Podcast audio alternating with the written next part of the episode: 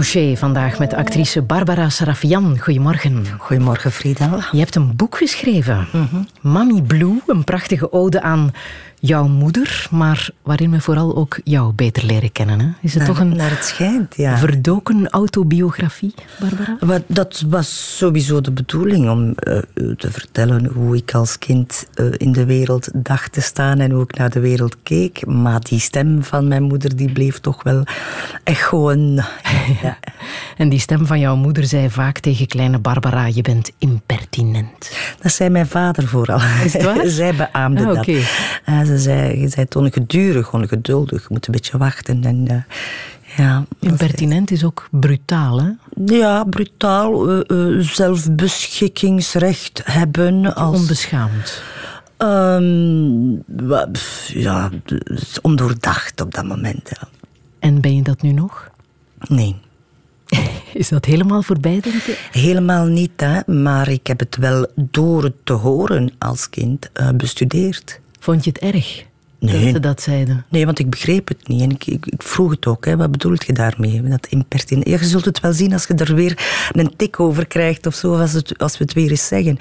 Uh, niet alles werd altijd uitvoerig uitgelegd bij ons. En dat is het meest interessant. Hè. Ga maar zelf op onderzoek. Ja. We zeggen niets, maar zoek het uit. Zoek het uit ja. Later, als je uh, student was, uh, volwassen, jong volwassen, werd je een stoorzender genoemd. Ja.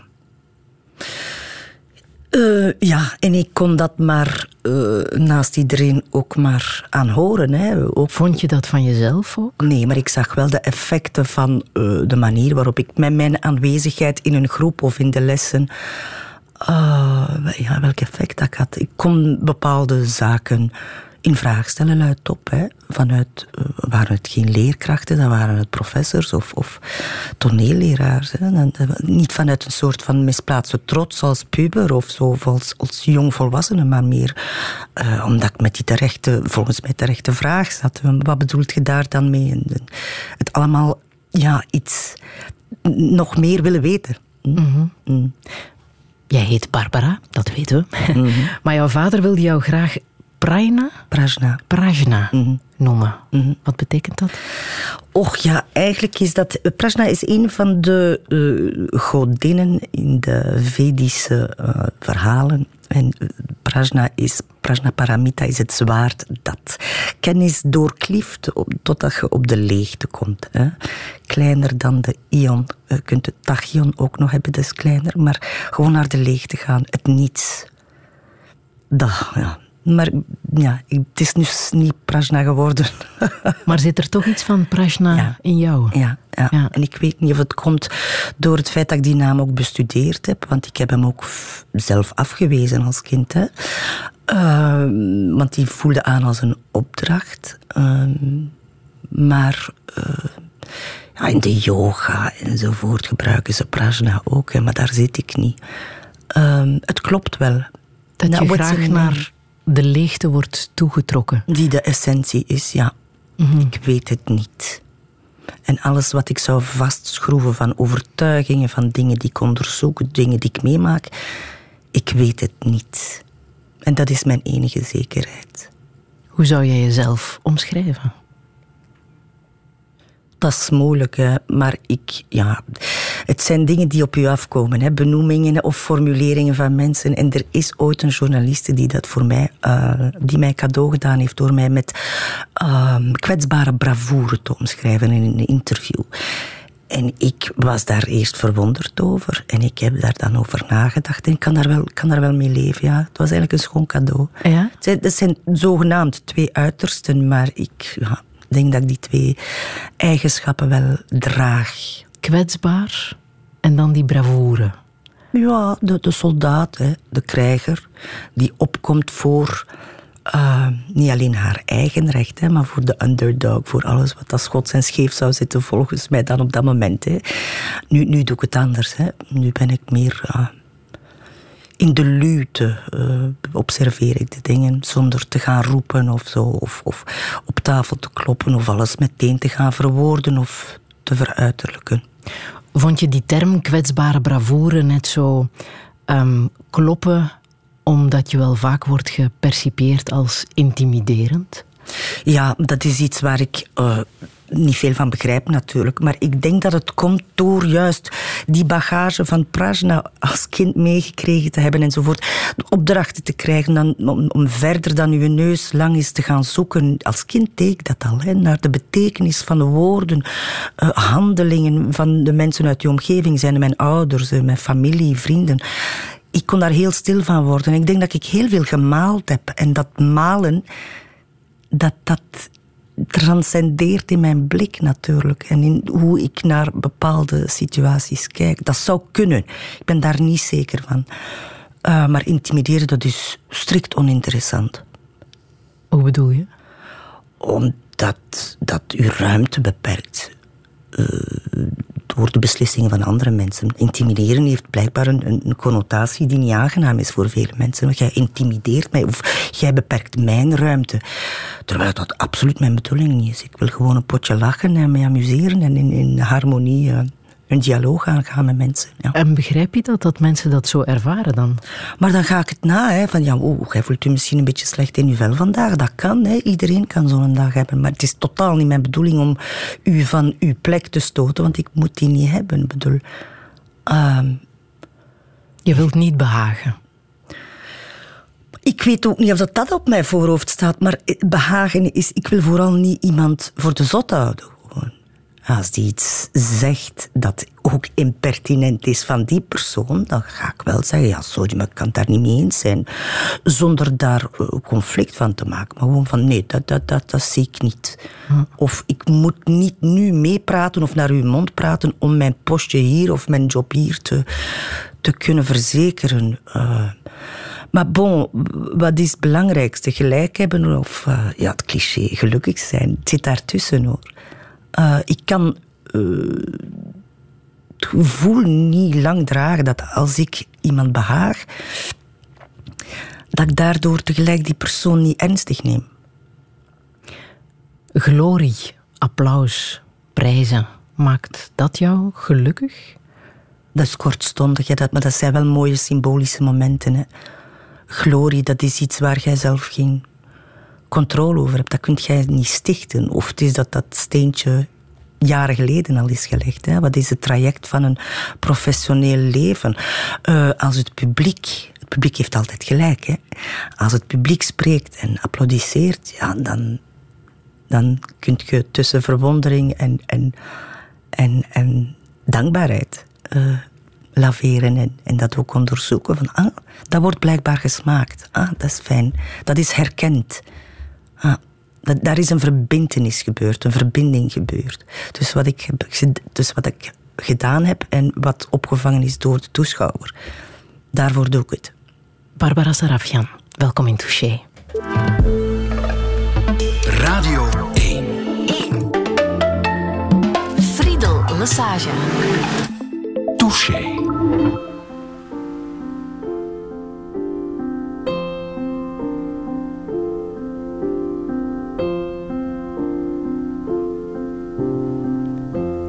Beau jour, ou peut-être une nuit, près d'un lac, je m'étais endormi. Quand soudain, semblant crever le ciel, et venant de nulle part, surgit un aigle noir, lentement les ailes déployées. Lentement, je le vis tournoyer. Près de moi, dans un bruit d'elle, comme tombé du ciel, l'oiseau vint se poser. Il avait les yeux couleur des plumes couleur de la nuit.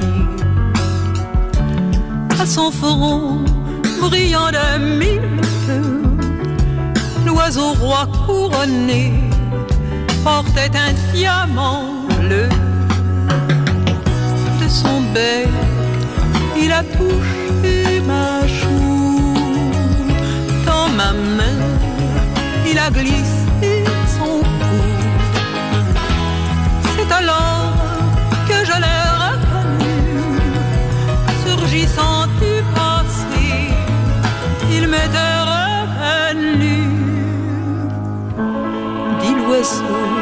on dit emmène-moi, retournons au pays d'autrefois, comme avant, dans mes rêves d'enfant, pour cueillir en tremblant des étoiles, des étoiles, comme avant, dans mes rêves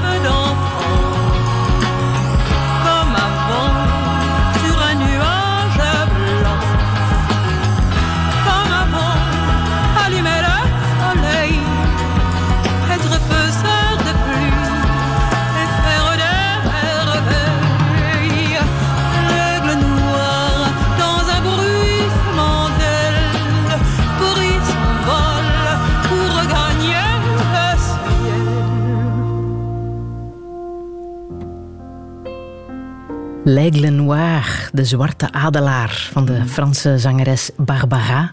Jouw naamgenoot, Barbara Ja. Sarafian. Ja, ja, ja. ja Heeft het daar iets mee te maken? Och, ik denk dat L'Aigle Noir op dat moment ook is uitgekomen toen ik een jaar of twee was en zo. Dus ja, dat werd ook gespeeld en gedraaid bij ons thuis. Hè. Dat was nieuwe muziek. Maar ik heb dat ook gevraagd later aan mijn ouders. Hè. Ben ik naar haar genoemd? Dat ben ik, je waart al geboren.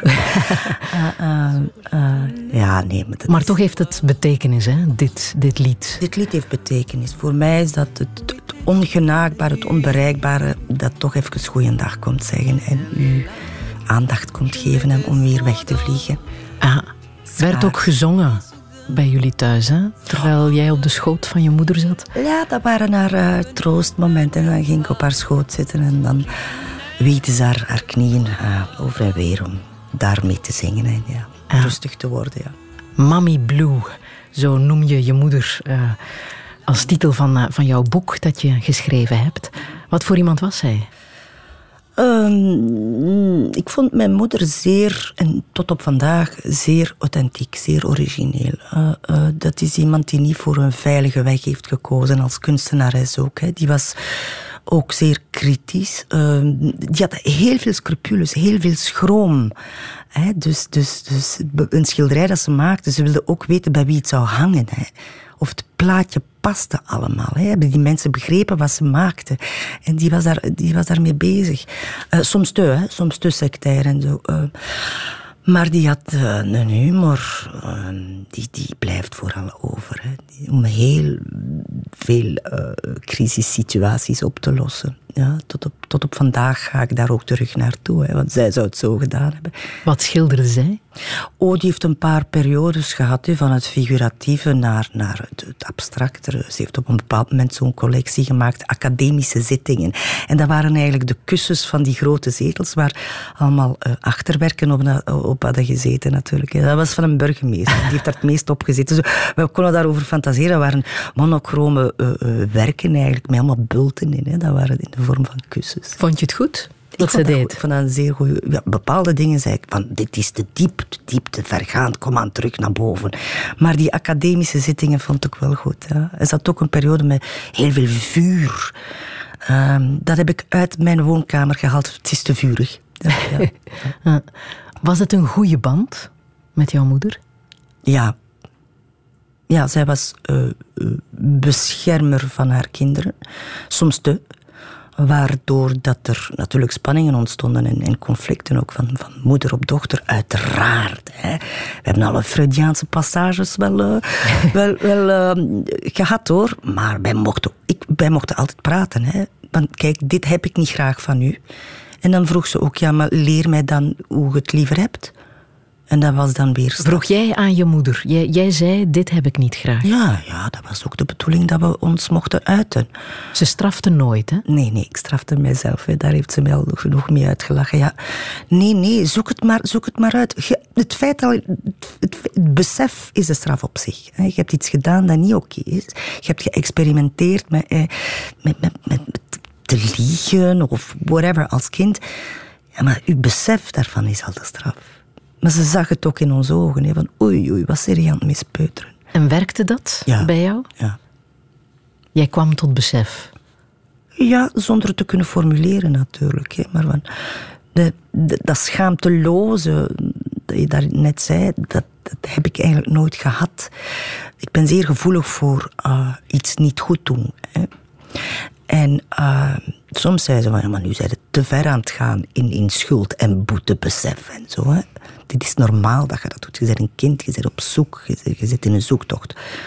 Ja, ja, nee, ik was er constant mee bezig. Ja. Het was een zeer um, creatieve thuis uh, waar je bent opgegroeid. Hè? Ja. Moeder uh, schilderes, daar kunnen we ons al iets bij voorstellen. Maar het leverde bij jou wel een soort uh, Cindy-syndroom op ja. als kind. Ja, wij waren vreemde vogels in. Hè. Uh, um, Hoe vreemd dan? Of? Uh, vreemd, ik zag dat natuurlijk in de houding en in de ogen van buitenstaanders, hè, de andere dorpsbewoners. Hè, want zelf, ja, je kijkt naar je moeder, dat is gewoon iemand die gewoon bent. En dat is allemaal normaal wat je leert. Hè. Dat kan zowel fout als goed zijn, natuurlijk. Maar uh, natuurlijk stond er voor de keuze, ga ik me daarom schamen of niet? En daar hebben we heel vaak over gepraat. Moet u niet schamen over mij? Enzovoort, enzovoort. Maar daar kom ik misschien later terug op. Maar ik had het natuurlijk gemunt op, uh, op, op het conforme. Veilig. Uh, mijn, naam was, was, mijn naam was eigenlijk al een stoorzender. Die deed uh, bepaalde leerkrachten struikelen over de aanwezigheidslijst. Dus ik wou die mensen ook niet uit hun comfortzone halen. Maar ik kon daar niks aan doen. Het was mijn naam. Ik wou ook gladjes passeren langs dat soort lijstjes. En dat ging niet altijd. Dus mijn reacties op hun struikelen, ja, dat werden cumulaties. Gewoon, dat, dat, dat werd niet meer zo gezond. En ik had dus behoefte om niet Barbara te zijn. En zeker niet Sarafian. En maar uh, Mieke Janssens. Ja, normaal. Zoals de andere kinderen in jouw klas. Ja. Ah. Werd jij gepest? Ja. Erg? Maar wat is erg? Ja, een andere kon daarmee lachen. En zo, maar dat is toch niet erg. Maar het is maar hoe het binnenkomt en hoe regelmatig. En door wie. He, want Door wie? Je, je, je, roept helden uit op de speelplaats of in de klas en blijken dat die mensen dan toch op jonge leeftijd al dingen doen die u kwetsen of krenken. En dan stelt je de vraag, maar ik dacht dat we vrienden waren. Um, ja, het is speelplaatspsychologie, dat kunnen we doortrekken tot ons honderdste. Want uiteindelijk verandert dat niet. Hè. Een keer dat we in een groepsdynamiek zitten, zie je wie gevoelig is. Maar ik heb ondertussen wel geleerd dat de grootste pesters diegenen zijn met... Uh, met de grootste antennes ook, die zo bang zijn om zelf gepest te worden. En die projecteren natuurlijk. Meelijwekkend. Maar je werd ook gepest door uh, leidinggevenden, door... Zelfs door leerkrachten ja. ja. Ja, dan, dan, dan, als je dat patroon begint te zien... Hè, er is zo'n psychologische gezegde die zegt... Ja, twee keer, ja, dat kan voorvallen. Drie keer is een patroon. Ja, maar als jij onderwerp bent of voorwerp bent van pesterijen... dan begint je nu zelf te kijken. En, en zonder dat het weet, jezelf ook te beperken en af te straffen daardoor. Maar het is gebeurd. En ik heb daar trauma's door meegedragen, maar ik heb die ook allemaal uh, uitgeplozen. Mhm. Mm -hmm. Want het verandert niet. Hè? Het is als je Nee. met zo'n trauma's blijft rondlopen, ja, nee, dan draagt het op je voorhoofd. Van ik wil vooral niet dat dit nog gebeurt, hè, want dat is een regelrechte uitnodiging bij mensen. Maar heb je dat nu nog? Ik wil normaal zijn? Nee. Dat is voorbij. Daarom heb ik dat boek ook geschreven. Van, kan ik het met de laatste pagina ook dichtklappen? Het is nooit voorbij. Er blijft altijd ruis hangen en residuen van wat er meegemaakt heb. Gelukkig maar. Uh, maar ik ben gewapend zonder daar een, een betonnen muur gezet te hebben. Ben jij blij met wie je geworden bent? Ja. Dankbaar? Dankbaar. Uh, ondanks en dankzij... Hè, -hmm. um, ondanks de obstakels, ja, heb ik die obstakels kunnen bestuderen. En dat is een rijkdom.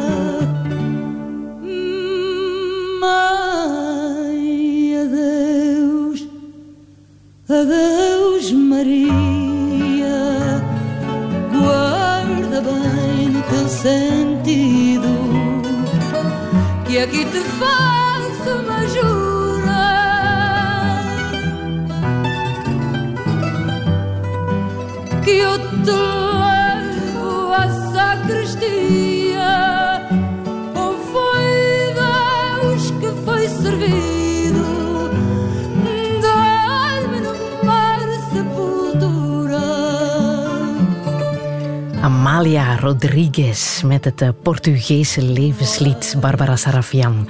Prachtig, hè? Ja. De spanning tussen eh, tristesse en, en, en die opflakkeringen van, van hoop en verlangen, ja, dat zit daar allemaal in. Hè. Dat is alweer die dualiteit. En die stem, dat, dat typisch Portugese geluid van die stem. Je ziet toch dat bepaalde volkeren een bepaald timbre hebben. Hè. Dat is, en dat Portugees, die fado's, die zijn... voor mij nooit, nooit, nooit zou ik dat ooit kunnen bereiken, zo'n klanken. Ja. Ah, ook muziek die bij jullie thuis veel gespeeld werd. Ah, ja, ja, ja. Hoewel het de droom was van eh, je ouders om naar Griekenland te verhuizen. Niet naar, eh, naar Portugal, maar, maar naar Griekenland. Ja, ja. Waarom precies? Eh, eh, ver weg van de regen en het sombere weer sowieso. Ik denk dat mijn moeder sowieso een zonnemens was. Eh, maar ik denk dat dat een gemeenschappelijke liefde was van mijn ouders. Want ik spreek over mijn moeder en mijn stiefvader, die in ons leven is gekomen als ik twee jaar was. En het verkassen, verkassen gewoon, verkassen. Ehm, Ze hadden ook echt al een plek in gedachten. ja, dat was een meisjesschool die ergens op, in een dorpje op de rotsen stond in de Cycladen. En die zijn toch een paar keer, meer dan ik zelf wilde, naar daar gegaan om te gaan onderhandelen voor de aankoop van dat gebouw. Maar bleek dus dat dat niet ging en dat openbare gebouwen sowieso niet aan, aan buitenlanders werd verkocht. Maar, en ik heb eigenlijk door Jani ontdekt hoe dat, dat komt. Daar zitten zoveel mensen, families in verweven in gebouwen. Of gewoon, ja, als het gaat over eh, een openbaar gebouw, is de gemeente met zoveel portefeuilles en mensen die daarmee eh, die daar iets mee te maken hebben, dat dat onmogelijk is om het zelfs onder, onder hen al te verdelen. Dus dat was het excuus. Ik vind gewoon dat ze harder hadden moeten aandringen, maar ja. Maar dus stel dat dat was gelukt, dan eh, was jij een, eh, ja, een Griekse geworden. Ja, Aristopoli, ja. Stel je voor, ja. Ja, stel je voor. In de zon opgegroeid. Ja, dat doet wat met een mens, hè. Ja, ja, Ja, ja. zou dat gewerkt hebben? Ik zou het niet geweten hebben dat het anders, dat het anders moest, hè, natuurlijk. je was te klein. Ja. Maar wat je zegt, je had eh, twee vaders, hè? Ja. Want je bent een kind van 68. Hm. Mag ik dat aan elkaar verbinden? Gemocht, maar ik ga dat ook weer losbinden. Nee, dat is, niet waar, dat is niet waar. Nee, dat heeft daarmee te maken. Ik, was sowieso in de klas eh, eh, eh, het enige kind dat gescheiden ouders had. Hè. Ik moet niet vergeten, ik ben in Watervliet opgegroeid. De, de, kerktoren was, de kerk was de parel van het Meetjesland, dus dat was zeer katholiek. Maar dat heeft mij niet gehinderd, om, omdat dat was nu net iets waar dat ik me niet bizar of raar door voelde. Maar ik had plus, ja, nu noemen ze dat plus, moeders en plusvaders. Hè. Maar ik had een grote familie op die manier, zeg maar. Ja. En het waren ook geen, geen hippies, maar beatniks. Ja, daar sta ik toch op hoor, want dat wordt rap gebruikt, de hippies. hippies eh, dat, ik heb dat vaak gevraagd, maar wa- wa- waarom word jij dan hippie? Maar wij zijn dat niet. Ehm, ja, Wat is het verschil?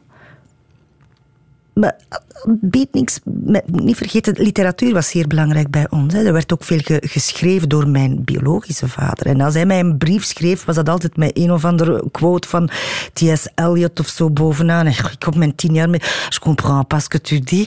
Maar dat was zijn, zijn manier om ons, eh, om ons te instrueren natuurlijk. Maar ik denk niet, ja, hippie zijn en scheiden van elkaar, dat dat veel met elkaar te maken heeft. Nee, Ah, in het Frans opgevoed, hè? ook, ja. Ja. Hm. Heeft dat ook betekenis gehad, denk je, in jouw leven? Ja, tuurlijk, hè, want het gaat over de voeding, intellectuele voeding krijgen. Hè. Ik Bedoel, ik zag alles in het Frans ook. Hè. Mijn klasgenoten zagen uh, Pipi Langkous in het, in het Ja. Nederlands. Hè. Of andere zaken, Beertje Collargol zag ik in het Frans. En ik zat dat dan mee te zingen op de speelplaats, maar dat klopte niet. Hè. Dat was... ehm, was nu niet het stoorzender zijn door een andere taal te spreken, hè, maar er werd ook vaak gezegd: je moet één taal kiezen, anders ga je gewoon achterblijven op alle vlakken. En ik begreep dat niet. Ik begreep dat niet. Tot het is een rijkdom. Ja, maar rijkdom is storend. De open haard was ook heel erg belangrijk hè, in Ja. jouw jeugdjaren. Nog altijd. Ja. Alhoewel we nu toch wel eh, ja, verplicht zijn om goed na te denken vooraleer dat we nog eens een busje in, in het vuur gooien. En ik doe dat ook. Hè. Ik doe dat ook. Eh, open haard is gewoon het eh, signaal geven aan elkaar. We zijn thuis. En we gaan ons samenzetten om de dag te overlopen als daar tijd en, en goesting voor is. Maar dat is eigenlijk, was een regelrechte uitnodiging om rustig te worden en het geluid en het geweld van de wereld van buitenaf gewoon even van ons af te werpen en daar te gaan zitten. Ja, En daar werd gepraat en gediscussieerd en Ja. gekibbeld. Ja, maar wij, wij, ik heb ouders gehad die graag praten met hun kinderen. Eh, en die ook bepaalde stellingen op tafel gooiden en zeiden: Wat zou jij daarmee doen? Wij waren snotneuzen. Hè? En wij mochten ook oplossingen aanbrengen voor bepaalde situaties of problematieken bij mijn, bij mijn ouders. Wij werden betrokken in, in het functioneren van een mensenleven, zowel volwassen als kind. Ja, dat doe je nu nog, zeg je? Die open haard of dat idee is nog altijd Ja. belangrijk. Zelfs als, als ik hem niet aansteek, kijk ik ernaar. En als ik die houtstronken waar dat de hond niet van kan afblijven, en dan denk ik, ja, ik mag kiezen, ik mag hem aansteken. Ja. Ja. Zijn we dat kwijtgespeeld? Dat moment of die plek in het huis waar eh, we automatisch samenkomen en Ja. waar we echt met elkaar praten? Ik kan daar niet over oordelen bij andere mensen, maar ik voel het ook bij mij thuis. Hè. Mijn zoon en ik, wij wonen, wij wonen samen, maar eh, apart. Eh, het is belangrijk dat wij toch soms langer dan een half uur in de keuken praten met elkaar. Eh, eh, het is vluchtiger allemaal. En ik ga nu niet een tour opgaan van ja, dat komt door de gsm's enzovoort. Maar dat heeft daar natuurlijk mee te maken. Hè. Eh, ehm, maar ik geniet wel van het samenkomen in de keuken. Mhm. Jullie zijn terug samen gaan wonen, Ja. jij en je zoon, want hij is nu 25. ook niet zo evident, hè? Nee, Dat zou niet elke zoon doen, denk ik. Ja, maar ook niet alle moeders. Nee, nee. ja, maar ja, chance dat het een goede kok is. Maar heeft die haard daar ook iets mee te maken? Nee, Het feit dat hem- jullie praten? Ja, goh. Het zit in onze genen of in de gene- epigene, in ons gedrag om, om te zoeken naar een, een punt waar we toch even informatie uitdelen. Hoe is het met u? Gaat het? Eh, eh, eh. Ja, dat is wel heel belangrijk. Je eigen grot. Ja. Want je spreekt over een grot in jouw eh, kindertijd. Is het die grot die je zelf ook terug wil bouwen? Ja, ja, veilig, veilig, veilige grot. Ja.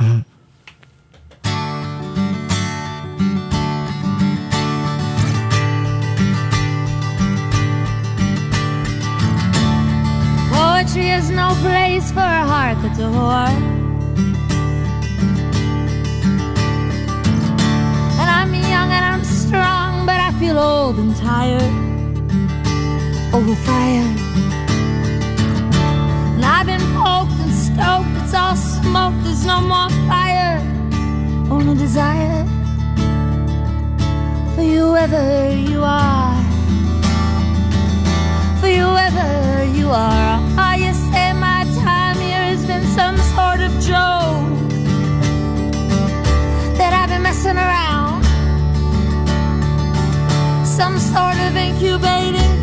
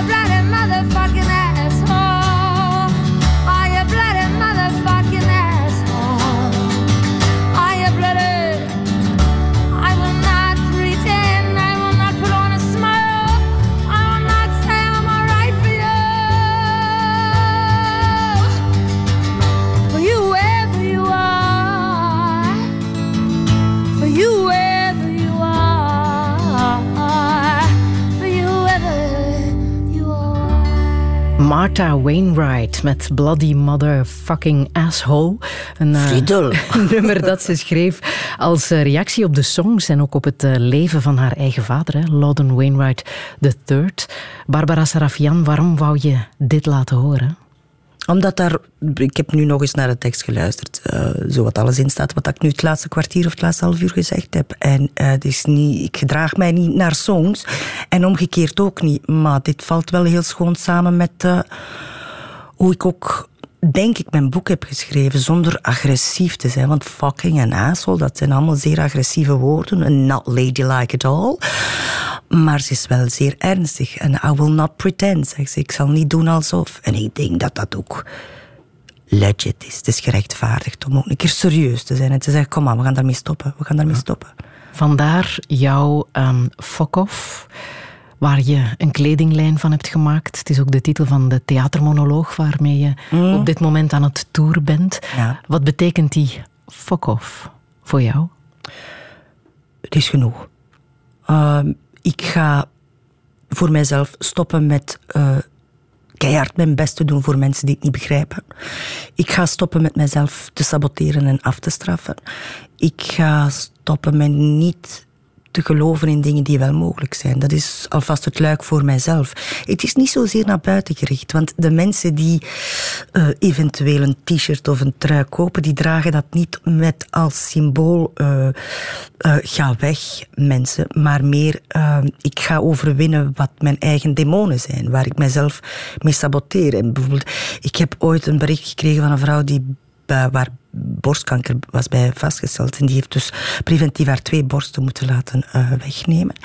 En die zei met het t-shirt aan, kijk een keer, die twee ootjes passen mij nu beter, zie. En dan denk ik, hoe schoon is dat? Een meisje ook, die mm, kampte met astma en iedere keer de rest van haar familie tot op de bergtop ergens in Zwitserland eh, zag stappen. En zij moest iedere keer beneden blijven, omdat ze te veel astma had. En ze zei, op een bepaald moment stuurde ze mij een foto met die trui aan. Ik heb door die trui die bergtop bereikt. Fuck off, astma. En zo zijn er heel veel verhalen. En, en ik weet dat als ik praat, ook tijdens een voorstelling, van nu niet, even niet. Kom, we gaan, we gaan niet doen alsof, we gaan niet behagen. Jij moet me als publiek niet behagen, ik moet u niet behagen. En juist daardoor komt er zoveel ruimte vrij om, om een ernstige dialoog te hebben. Uh, ik zie daar toch wel veel dankbaarheid. Ik ben geen woordvoerder. Hè. Ik ben niemand die op de barricade staat en zegt: uh, We moeten alleen maar eerlijk zijn. Nee, nee. Maar wat ik nu ga vertellen, dat gaat ik kennen. Je bent een actrice zonder diploma. De toneelscholen hebben jou uh, niet veel kunnen leren. Ook een poging gedaan om kunstgeschiedenis te studeren aan de universiteit. Ja, maar ook daar heb je een, uit, maar in pittig, een pittig gesprek met een professor gevoerd dat iedereen moet lezen in jouw boek. Magnifiek gesprek. Heerlijk gesprek. Ja, ja. Maar had je toen al die fuck-off-attitude? Want je zegt, ik ga dat niet meer doen, maar volgens mij heb je het altijd gehad. Ja, wel, maar ik denk dat, het, dat ik, ik heb het samen met u ontdekt, vrienden. Echt waar. Echt, ik ga niet zeggen dat een boek schrijven therapeutisch werkt. En bij mij is dat zeker niet het geval. Want ik ben teruggegaan naar momenten dat ik dacht van, laat die toch maar slapen. Uh, en terug mijn moeder beginnen missen en, en mijn familie. Maar uh, ik denk dat er altijd... Ik moet eerlijk zijn. Hè. Ik moet niet altijd verwonderd zijn en gechoqueerd zijn als mensen zeggen, je zit er zo, jij zit zo in elkaar en zo in elkaar. Nee, ja, oké, ja. Ja, en, en ik ga mij daar uh, niet meer, niet voor de zoveelste keer, cyclus 35, in verwonderen en daar heel veel tijd door verliezen. Aanvaarden dat ik ja, van een speciaal nest kom met speciale reflexen en gewoontes. Ja, ja, you got a point. Jouw biologische vader die gaf jou op een bepaald moment in jouw leven een uh, boek van Isabel Eberhard. Mm -hmm. Qua fuck-off-attitude, haar tijd ver vooruit. Toch wel, hè? Even ja. zeggen wie, wie, dat precies was. Dat was een, een Russische avonturierster die... Een Russisch-Franse... Ja, ze is het noodgedwongen moeten worden, avonturierster. Ze, ze was het beu in, in, in Parijs. Had al heel jong heel veel kritiek op de, het salonveeg van Parijs. En ze wou eigenlijk de wijde wereld intrekken. En ze is naar de Sahara vertrokken. Hè. Baldadig, stoutmoedig. Ik denk dat ze een beetje genderdysforisch was. In die zin ben ik nu een jongen of, of komt mijn moed en mijn, mijn, mijn, mijn ridderschap eigenlijk door het feit dat ik misschien een halve jongen ben. Dat is iets dat ook, dat ik ook zeer goed herken. Maar ze is in ieder geval vertrokken. Naar Spreken over de vorige eeuw, hè? Ja, ja, ja. ja. 1900 was dat. Ah. En um, ze is daar verliefd geworden, maar daar krijg je dan ook de kant van de, de, de dolverliefde uh, melkmuil van Isabel, die plots uh, dramatische epistels schrijft over verliefd zijn op haar een Arabier. En dan wordt ze weer zo een poppenmieke, zo, maar ondertussen strijdt ze te paard. Uh, op zoek naar avonturen. Ja. En schrijft ze erover en stuurt ze die teksten naar Parijs, waar ze haar geld uh, mee verdient. Hè. Ja, ze is jong gestorven ook. Hè? Op haar 27e, she was the first. In de woestijn in een zondvloed. Ah. Hoe ironisch kan het leven zijn? Ah. Maar jouw vader geeft jouw boek, uh, dat boek, terwijl je zelf die leeftijd ongeveer had, hè? 16, 17 jaar. Waarom gaf hij uitgerekend dat boek aan jou, denk je? Dat, dat was zijn manier zijn pedagogiek, denk ik, om... Spring op je, kaart, op, op je paard, om dat te zeggen? Sla je vleugels uit. Bij ons was het een trein of een vliegtuig. ik bedoel, uh, zo ver... Mijn vader ging zelf vaak naar de Sahara en zo. Dat ik zei, maar dat laat ik aan u over. Ik ga het uh, mondainer gaan doen. Of het, wat ik dacht, veiliger in grootsteden gaan trippen. Um, maar hij gaf het omdat hij observeerde, pedagogisch ook, van het is nu tijd dat ze de vleugels... Wie weet heeft mijn moeder hem gebeld van, oh, ik wil er vanaf. Wie weet, wie weet is dat? Hè? Dat ja. kan, hè. Maar je hebt dat ook gedaan, hè? Natuurlijk heb ik het gedaan, want ik was een van de grootste parent pleasers ever. Als mijn ouders zeiden, nu ga je dat doen, dan deed ik dat ook. Hè. Ah, dus je bent er echt op uitgetrokken? Ja, ja. Ik ben vertrokken. Ik ben vertrokken uh, voorzichtig. Een keer een trein pakken naar Frankrijk. Dan is het naar een beetje verder, dan naar de States, dan terug. Dan ja, weg zijn, weg zijn. Mij los, mij, mij emanciperen eigenlijk. Eh, al de bagage die ik als kind, als tiener, als puber meegekregen had. Alle malheuren en, en het zelfbeeld. Even gaan rangschikken en schikken en zien of dat die spiegels elders, ver weg, dezelfde zijn. Want dat vertelt veel over uzelf. Je trok ook alleen op Graag, ja, heel graag. Soms waren er vrienden die zeiden, ik wil mee. Dat ik zei, nee. Allee, je mocht een weekje mee, maar dan moet je naar huis. Hoe gevaarlijk eh, is het geweest als je daar achteraf op terugkijkt? Op de reizen die jij hebt gemaakt, alleen als heel jong meisje? Het is gevaarlijk. Het is gevaarlijk als je onvoorzichtig bent. Ik heb bepaalde situaties meegemaakt waar ik veel later pas de, de, gevaarlijke, ehm, het gevaar van inzag. Eh, ik zou mijn dochter nooit zo laten reizen, toch zeker niet meer vandaag, zoals ik het gedaan heb. Ik denk dat mijn ouders ook wel bezorgd waren, maar eh, ik had zoveel vrijgevochten energie, of vrij vechtende energie in mij. Niet om mij ostentatief los te maken. Ik was nieuwsgierig. Nou, wat, dat wist ik niet. Dus ik had niets op mijn voorhoofd staan dat zei, ik wil iets. En ik denk dat ik daardoor, door mijn onbezorgdheid, ook geen uitnodiging uitstraalde van kom mij hier maar een keer pakken, zie. Nou, er zijn, als ik in San Francisco was, zei iemand van ga vooral niet door de Tenderloin, hè, want dat is een zeer gevaarlijke buurt, want daar, daar, halen ze een knipmes, knipmes boven en beroven ze en bestelen ze, slaan ze in elkaar. Ja, maar madame loopt natuurlijk zonder dat ze het weet door die Tenderloin. En daar, daar zie ik dus, ik hoor ook knipmessen eh, eh, eh, springen en dan, maar ja, het is gewoon vriendelijk knikken, hallo, ja. En natuurlijk met met bibber in het gat eh, zeggen van wauw, wat heb ik nu gedaan? En dan zien wat overmoed of onbezonnenheid eh, doen. Maar ik vond het soms veel gevaarlijker om tussen mensen te zitten hier. Heeft jouw vader een gevaarlijk leven geleid? Nee. Die is nooit zo gevaarlijk gaan reizen Ja, zoals zijn dochter. Maar dat was een man. Ja, hallo. Van Zou een man jij- gaan ze troksken niet aftrekken, hè? snap je? Zou je over hem een boek kunnen schrijven? Ja, maar dan heb ik heel veel rust nodig. Want ik heb niet alleen geschreven met de woorden, ik heb geschreven door te schrappen. Ik heb de discipline van de discretie gehanteerd. En ah, ik ga niet zeggen censuur, maar ik weet wat ik niet verteld heb. En ik wil hetzelfde doen met mijn vader. Eh, de goede lezer leest. Ik wil dat de lezer een beetje kan. Het lijkt een luchtig boek. Iemand zei het zo luchtig. Dat ik zei: Pas op, hè, vriend. Lees het dan nog eens. Er zit veel symboliek in mijn boeken. En bij mijn vader zou ik veel meer. eh, omdat ik, was niet dagdagelijks bij hem. Dus ik zou bepaalde motivaties van zijn beslissingen eh, verkeerd kunnen opvatten. Dus ik zou daar heel voorzichtig moeten in zijn. Maar dan zou je door zijn brieven en geschriften moeten gaan. Door zijn boeken ook. Het was een zeer belezen man. Ja, die staan nog bij mij. Zijn schriften, niet allemaal.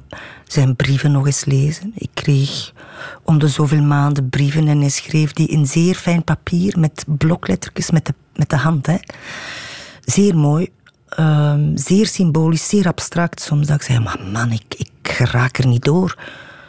Ehm, maar hij was ook theologisch zeer geïnspireerd. Dus hij haalde daar heel veel godheden bij, of juist niet. Maar hij gaf opdrachten die, ik- waar ik niet open voor stond. En dat boek van Isabel Eberhard gaf hij jou ook.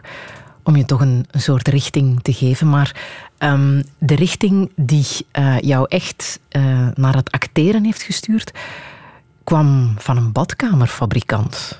Ja, dat is niet waar. Hè. Dat is gewoon hetgene, dat is eigenlijk een katalysator geweest, deus ex machina, die man. Maar ik heb wel geleerd van mijn ouders, kijk, u, u, u, u spelen, spelenderwijs de dag doorkomen, daar bestaan scholen voor.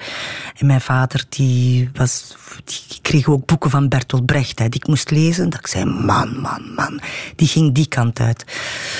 Maar bon, om, omdat ik met al die bagage ook niet herkenbaar was op uh, toneelscholen. Want het is niet ik die beslist om niet meer verder te gaan, of de school die, niet beslist, die beslist dat ik niet meer verder kon. Er was geen connectie tussen wat ik al in mijn vezel zat. En ik was niet eerste graads. Kijk blij. Ja, bij mij is dat kijk blij met zoveel bijgedachten. Bij, bij, bij bij emoties bij. Het was niet eenvoudig, dus ik moest nog een beetje afkalven. En dat heeft tijd genomen, waardoor ik om rond te komen uh, super ultralichte jobs deed, zoals verkoopsjobs. Bijvoorbeeld bij die man die uh, maar was het uh, bubbelbadenfabrikant was. Dat heb jij gedaan. Je hebt bubbelbaden verkocht. Maar ja, bij de vleet. Zelfs aan Chinezen. Ja, maar ik kan dat goed. Ik kan zeer goed, want het is iets dat niet vasthangt aan mij. Het heeft niets met mij te maken, snap je? Als het, als het los van mij staat, kan ik, kan ik het zo aan een man brengen. Als het over mijzelf gaat, is dat heel, heel mogelijk. Die schroom is daar dan iedere keer weer. Maar die man die fabrikant die wilde dus dat ik definitief bij hem zou werken vast. En ik heb hem gezegd, nee, maar dat ga ik niet doen. En dan heeft hij gezegd, maar dan gaat je stoppen met, met je eigen voeten te spelen. Nu gaat je totaal kiezen voor je artistieke loopbaan. En die man besefte niet waarschijnlijk, het was wel zijn bedoeling om mij wakker te maken, maar die impact die hij gehad heeft tot op vandaag, anders zou ik er niet over schrijven, die, die was groot. En ik heb daarnaar geluisterd.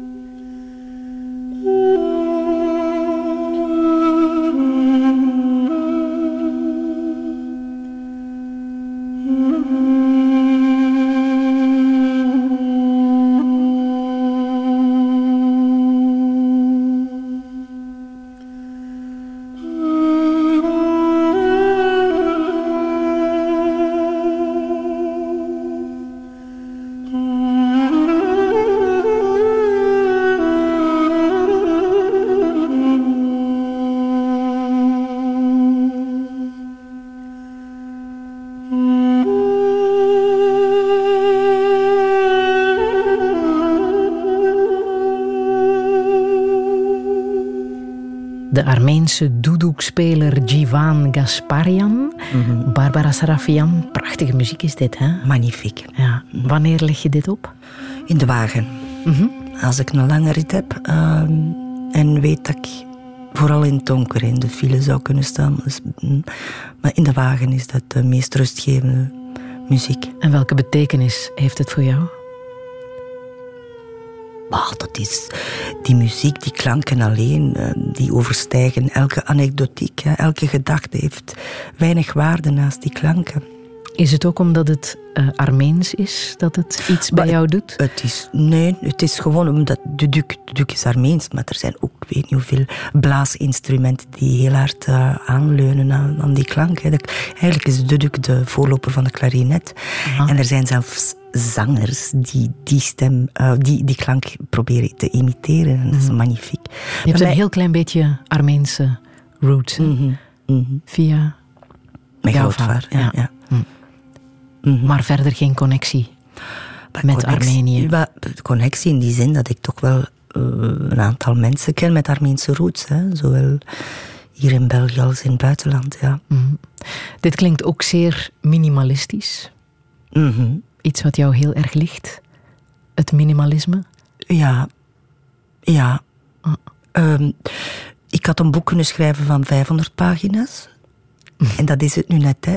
De discipline van het ehm, schrappen. Hoe ver gaat dat in jouw leven? Dat minimalisme? Eh, ik kan mijzelf toespreken en zeggen: stop met meanderen, stop met piekeren, stop met vermenigvuldigen wat juist in een notendop eh, in uw broekzak mag passen en draaglijk blijft. Dat gaat van eh, eh, gedachten tot, tot jobs. Zo, hè. Blijf bij de essentie. En kijk naar het effect van die essentie. Heb Dus je dat ook in, in materie? In hoe wij ons leven organiseren en Ja, consumeren? ja ik, ik, ik, ik, ik, ik word overrompeld door mijn eigen brol. Als ik moet mijn dressing instappen, hè, dan denk ik, mama, mama, mama, wat is dat nu? Waar, was, waar, waar, waar, waar zat mijn hoofd? Wat doe je daarmee? Niks, ik kijk daarnaar. En ik pak altijd naar hetgene dat vooraan ligt. Nou, Klaar jeans. om orde te scheppen? Of Ja. Ja, ja, maar dat is het nu net. Hè. De cadeaus die mijn ouders, die overleden zijn, achtergelaten hebben, dat zijn geen lichten. En ik kan daar ook niet lichtzinnig over gaan. Die schilderijen, die boeken, die schriften. Ik, bedoel, ik heb veel te veel eerbied, respect, te goede eh, herinneringen en gemis om, om zonder scrupules dingen weg te doen. Die zaken weg te doen. Ik herinner mij toen de cabane van mijn moeder moest leeggehaald worden. En ik heb toen de vrouwen van de familie ingeschakeld. Want dat zijn bezige bijtjes. Hè? Die zijn efficiënt. En de sandwiches gemaakt en koffie gezet. Maar wij zijn geen meter vooruit geraakt. Want alle vrouwen die zagen een post-itje op de, op, de, op de grond liggen van een van haar ateliers waar niks op stond. Dat was dan symbolisch iets. Ze heeft het vastgepakt. Ze heeft het ooit vastgehad. En dan denk ik, ja, kom aan jongens, we moeten vooruit. En dat, ik zit daar nog mee. Barbara, ik heb nog muziek uit eh, jouw favoriete film, Call Me By Your Name. Had jij graag de moeder willen spelen van Timothy Chalamet? Nee, want dat was een veel te kleine rol. Van de vader. Ja, ja. Maar Call Me By Your Name is, heeft mij zo teruggecatapulteerd naar hoe ik als 17-jarige in het zuiden van Frankrijk met mijn ouders systematisch op vakantie ging ook. De, de sfeer al, eh, de, manier op waarop dat, we- dat er gedialogeerd werd tussen kind en, en ouders. Alles werd oogluikend zogenaamd toegelaten, maar er werd wel eh, bewaakt. Eh, het ontstaan van onze liefdesverhalen, mijn ouders hebben dat ook. Dus die hebben het tussen elkaar gewoon eh, besproken, ik weet dat. En dan als er een accident was of liefdesverdriet, van ah ja, ah ja.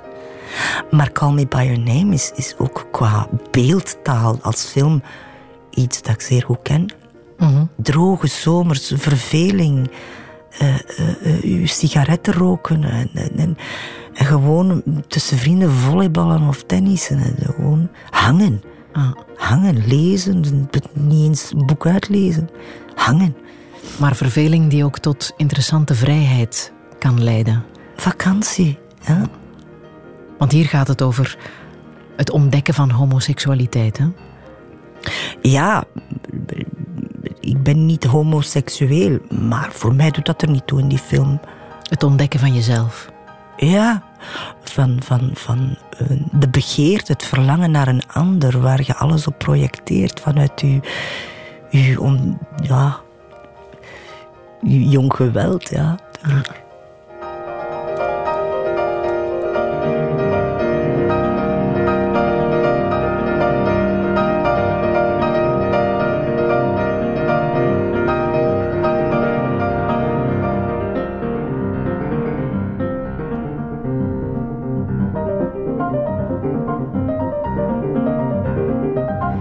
Muziek van John Adams uit de film Call Me By Your Name. Zometeen praat ik verder met actrice Barbara Sarafian.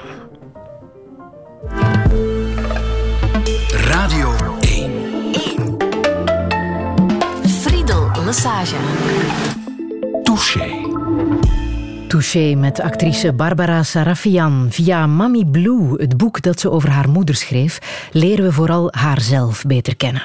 Ze groeide op aan de haard tussen kunst, literatuur en muziek, dicht bij de natuur en ver van alle burgerlijkheid. Het bleek de ideale leerschool om zonder diploma toch de grootste actrice te worden die we allemaal kennen. Maar hoe moet het verder? Hoe blijf je authentiek in deze gemanipuleerde wereld? Vanwaar haar fascinatie voor true crime en hoe herreis je uit je eigen as? Dit is Touché met Barbara Sarafian. Een goede middag. Zij doet alles op haarzelf, de huur en haar werk. Voor haar kleine zorgen, maar toch blijft ze sterk. De vader speelt geen rol, die denkt liever aan zichzelf. Een alleenstaande, vraag niet hoe ze het verwerkt. Haar kleine moet naar school, met kleding zonder merk. Maar hij heeft het warm, dus het wordt niet opgemerkt. Geen gestukte muren in haar huis, gewoon verf met een boterham voor kleine. Geen snoepjes, maar wat crackers, een part-time baan. Maar zeker beter dan niets, ze haalt haar kleine wip van school. Geen auto, wel een fiets, haar manier van overleven. S'avonds is ze eten, dan zou je denken van Toch zijn ze tevreden. Materialisme is niet voor hun wat geld. Gezondheid en liefde, dat is wat telt. Zo wordt vaak bekritiseerd, maar wat je ook vermeldt. In haar kleine zogen is mama een held. Ze geeft niet op, ze speelt niet. Zij staat altijd klaar voor haar baby. Weinig centen, maar het geeft niet. Toch is ze altijd daar, zij is super. Wat nodig is maakt ze mogelijk met weinig. Steun en toeverlaat. En altijd staat ze klaar als een Een doorzetter als de vrouwen in die actiefilms. Nog zo jong maar hey, zelfstandig is ze. Abortus is wat de mensen haar toen adviseerden. Maar zij bewijst dat die mensen zich kunnen vergissen. Vastbesloten om te vechten geen instanties nodig, niemand hoeft te helpen. Een superheld, dus zelfs als ze het redden. Het is jij tegen de wereld, mama zet de boel op stelten. En spijt hebben van vroeger, ja dat is te laat. Weinig tijd voor haarzelf en dat vindt ze na. Soms is ze boos op de vader en dan voelt ze haat. Maar hoe dan ook, ze zet haar kind op de eerste plaats. Stevig gebouwd, maar ze heeft het niet breed. Dus elke cent wordt met een helder geweten besteed. Zij leert haar kind de waarde van waardering die weet dat niks meer waard is dan de liefde die mama je geeft. Geef niet op, ze speelt niet. Zij staat altijd klaar voor haar baby. Weinig centen, maar het geeft niet. Toch is ze altijd daar, zij is super. In de ogen van haar kleine, wat nodig is maakt ze mogelijk met weinig. Steun en toeverlaat. En altijd staat ze klaar als ze superheld. Helemaal zorgt ze voor haar kind. Geen vader voor die kleine, geen compleet gezin. En ook al staat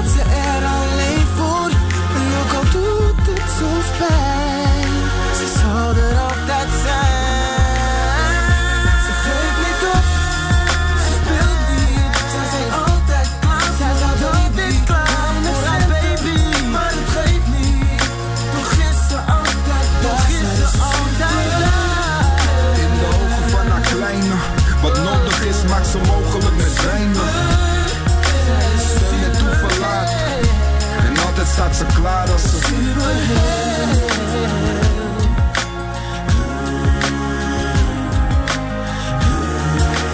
De Nederlandse rapper Nino met Superheld. Barbara Sarafian. Hier moesten tranen gedept worden. Och ja, dag. Het staat ook in het boek. Hè. Er, is een passage waarin net na het jaar van het overlijden van mijn moeder in 2010... Ja, was het een rollercoaster. Ik had zoveel werk ook. Ik had, en niet om te ontsnappen, hè, maar dat waren jobs die op de agenda stonden. En eigenlijk was ons dak ingestort. Hè. Mijn vader was al overleden, mijn stiefvader. En nu was mijn moeder komen te gaan. En ik zat gewoon naar mijn zoon te kijken hoe gaan wij dat oplossen? Die was 11, 12 jaar. Dus ik heb heel hard op hem moeten rekenen eh, in de hoop dat hij zijn plan zou trekken en, zich niet alleen zou voelen. Terwijl ik op kilometers ergens op een set stond. En op een bepaald moment vraag ik hem in een auto... eh, Zeg mij alsof dat je het goed doet, hè? want je zit daar toch met, met schuldgevoelens. Je kunt er niet aan doen als moeder dat je ouders overlijden of dat overlijden of zijn grootouders. Maar doe ik het goed of kunnen we, kunnen we het bolwerken? En ja, ik heb te veel aangedrongen waarop hij dus, eh, mijn zoon, dus eh, gewoon dit nummer oplegde eh, in de auto. En dat was gewoon, nou, dat waren watervallen. Zijn manier om te zeggen van, it's okay mama, it's okay. Dit was zijn antwoord. Je bent een superheld. Want dan ging het niet alleen over het feit dat jouw ouders gestorven zijn, maar ook het feit dat je alleenstaande moeder bent, natuurlijk. Ja, ja. Eh, ehm, en en hoe, hoe je tijd organiseren. Mensen onderschatten ongelooflijk wat het leven is van een acteur. Wij staan niet op om acht uur om dan een keer als sloffend misschien een keer aan een tafel te gaan zitten en wat teksten te blokken. Nee, we, echt waar, wij staan op om half vijf, vijf uur en we vertrekken. En, en, en de rit is nog niet gegarandeerd veilig, hè. eh, naar en terug. Dus, dus hoe, hoe ga ik het doen? Hoe ga ik het doen? En wat kunt je verlangen van een 11, 12-jarig kind dat zelf nog in de rouw zit en dat ook allemaal moet kunnen plaatsen? Eh, gruwelijk. Ik heb dat gruwelijk gevonden, omdat ik ga niet zeggen naar mij toe te trekken, maar ik kon niet meer rekenen op de vaste waarden. Zijnde mijn moeder en, en mijn, mijn vader. En de familie had ook een leven. Hè. Dus ik heb, eh, ik heb die jongen heel snel moeten pushen tot een premature volwassenheid. En dat vind ik op zich al niet fair. Nee. Maar heb je ook een vaderfiguur voor hem gemist? Ja. Ja, ja, ja, ja. Ja, de papa van eh, mijn zoon was er niet. Is er niet. Ik kan daar nog naar bellen en vragen, kom je even meedragen? Maar dan krijg je daar, en ik spreek nu in de tweede persoon, zo een, cascade aan, aan verwijten en, en aanvallen. Ja, maar het is door u dat we in deze situatie zitten. En als het dat wordt van dialoog, dan trek ik mij terug, want ik heb geen energie voor dat soort mentale eh, oorlogen. Dus dan kan het maar even goed geconcentreerd en gefocust blijven naar dat eh, minimalisme gaan als ouder en zeggen, kom, met de beetje krachten die we hebben, kunnen we het samen wel oplossen. Ja. Lijken jullie op elkaar? Wie? Jouw zoon en jij? Mm, Totaal niet. Nee? Nee. Die zal wel een paar waarden overgenomen hebben die, die bovendrijven als we, als we naar de familiewaarden kijken. Maar mijn zoon heeft een totaal ander temperament. Eh, eh, die neemt op wat, wat, wat hem nuttig lijkt als moraal of moraliteit. Eh, maar die heeft een andere energie. Die, die is veel eh, grondiger dan ik. Ik ga rapper ergens door. Schijnbaar, schijnbaar. Maar wij, wij zijn tegenpolen, ja. En heb je daar een verklaring voor? Want uiteindelijk is hij toch bij jou opgegroeid. Maar uw kind is niet uw volle weerspiegeling van wie je bent. Ik heb respect voor de aard van dat beestje. Die heeft ook genetica van zijn vader overgeërfd, met heel veel kwaliteiten ook. Eh, eh, maar mijn zoon is bijvoorbeeld fysiek veel trager dan ik. Die gaat 15 minuten nodig hebben voor iets waar ik drie minuten over doe. En hij is nu 25, dat heeft niks te maken met... eh, ja, ik zal het nu moeten, al moeten begrepen hebben, zeker. Maar die heeft dat nodig. Maar ondertussen merk ik ook dat die veel, veel te grondig is. Hè. Jij bent, ehm, ik mag wel zeggen, verslaafd aan true crime. Oh ja. Heeft hij dat ook? Nee. Totaal niet. Nee, nee. Met mijn zoon is alles behalve een imitator van wat zijn moeder doet. En ik ben daar blij om. Nee, nee, ik ben... Zelfs vanochtend heb ik toch nog mijn trouwe eh, kanaal, YouTube-kanaal bekeken. Eh, That Chapter heet dat. Is een, eh, een Ierse jongeman, Mike, die bepaalde moordzaken dan op zijn manier vertelt. Eh, zeer interessant, minimalistisch ook. En dat is dan gebeurd. En wat vind jij daar zo fascinerend aan? Goh, maar dat is misschien weer dat, dat, dat, dat Shakespeare gegeven waar ik in gefascineerd ben. De vreedheid van de mens. En ook wel een beetje sensatiezucht. En ook zeggen, goh, liever zij dan ik. Ik ben, toch, ik ben nog een braafke. Hè, snap je? Dus, dus ehm, wa- wat, is, wat drijft mensen tot het vernietigen van het leven van iemand anders? En daardoor ook hun eigen leven. Wat is de waanzin? En wat is de waanzin? Ja, dat is mijn stokpaardje. Hè. Dat is sowieso eh, hebzucht. Dat bestudeer ik heel vaak. Hè. Meestal gaat het over levensverzekeringen als het in de States is. Hè. Maar er is iets gebeurd. Hè. Dat zijn slecht opgevolgde trauma's. Je kunt ook geboren worden ik weet, ik ben geen psycholoog, hè, dus, maar, maar eh, de, de, de slechtheid die erin geslopen is in de mens, kan zich op vele manieren manifesteren. Hè, en dan wordt er gemoord. En dan bestudeer ik dat. Zou jij een goede advocate zijn? Ik hoop dat de mijne niet luistert. Eh, ja. Ja, ja, ja, ja. Oh, ja, ja. Want ik zie het ook, ik vind het, hè. Mijn, mijn vader, mijn stiefvader, die het zelf was, die, die wilde zelfs dat ik die Hij was advocaat, Ja, ja, Ja, die, wilde dat ik die studies zou aanvangen. Ik ben gewoon een paar keer op stage gaan in zijn bureau om rappels te sturen van de rekening. maar, allee, ik ga dat, maar de techniciteit hè, is natuurlijk een ander eh, paar mouwen. Maar ik vind dat we vandaag in een soort overgangsperiode zitten waar ook hier wordt gemoord. En hier komt het beestachtige door. Door al die verwarring. Nou, kijk nu naar de coronaperiode, naar, die, naar die het isolement waarin we terecht denken te komen en de angst en de paniek. Eh, ehm, ik vind dat, en het is ook, ook in de kranten terechtgekomen vorig jaar. De magistratuur zou een opfrissingscursus psychologie moeten volgen. Hè. Dat is, eh, maar opfrissing is niet genoeg, denk ik hoor. Ik denk dat er opnieuw moet gekeken worden naar pathologische weefsels binnen een juridische dossiers. Dossiers, pardon. En, en, en er wordt te veel naar techniciteiten gekeken. Ah, er is geen bewijs. En dat gaat over mishandeling natuurlijk, hè, en over, over misbruik en zo. Er is geen bewijs, ja, dat is. Maar ondertussen moet je ook een zorgsector hebben, en daar ga ik dan, die eh, het niet geloofd worden opvangt bij slachtoffers. Maar dat is zo ingrijpend. Maar vandaag zie ik dat de magistratuur eh, daar nog niet aan toe is. Er zit een moordenaar in elk van ons, zeggen ze. Ja. Geloof je dat? Eh, ja, als het gaat over overleven, zelfbescherming, ja. Ik heb mij vaak de vraag gesteld, stel nu dat iemand mij zodanig bedreigt dat ik eh, vrees voor mijn leven, zou ik de reflex hebben, het automatisme of de gedachte hebben om iemand eh, zijn leven te beëindigen? Ik weet dat niet. Ik ga rapper proberen onderhandelen. en zeggen me, allee, wat zit er nu aan het doen? Maar ja, door iemands eh, ja, pogingen tot eh, dreigement te ondermijnen, maakte die alleen maar kwader. Hè. Ze zeggen ook dat true crime ehm, vooral populair is bij vrouwen. Ja, ja. Dat is veel beter dan Dat erotische beaam romans, tuurlijk. Tuurlijk, maar wij, wij, wij begrijpen ook daardoor, want dat is ook gesprekstof in, bij de vrienden, hè, bij vriendinnen. Maar dat van een narcist, ah ja, dat van een psychopaat. Zo. En je begrijpt het en je voelt je begrepen natuurlijk. Hè. Maar Ja. ik bedoel, dat is niet altijd het geval, maar daar zit natuurlijk wel... Die pathologie hè, is zo breed. Het is een soort bescherming, Het is vooral begrijpen een van je eigen angst. Nee, nee, nee, het is sensatie. Het heeft mijn angst... Ik weet niet welke angsten bedoelt je. Angst voor wat je zou kunnen overkomen en daarop voorbereid zijn door naar true crime te kijken. Nee, want als je veel naar true crime kijkt, dan doet je alleen maar de verkeerde dingen. Dus dat is niet goed. Je houdt het in stand, dat zeggen ze ook. Hè? Ja, je houdt het in stand. Maar eigenlijk, ja, geeft jezelf daar onrechtstreeks een goed gevoel over, omdat u jezelf dan als een goede burger kunt beschouwen. Ik heb daar tenminste allemaal niet mee te maken.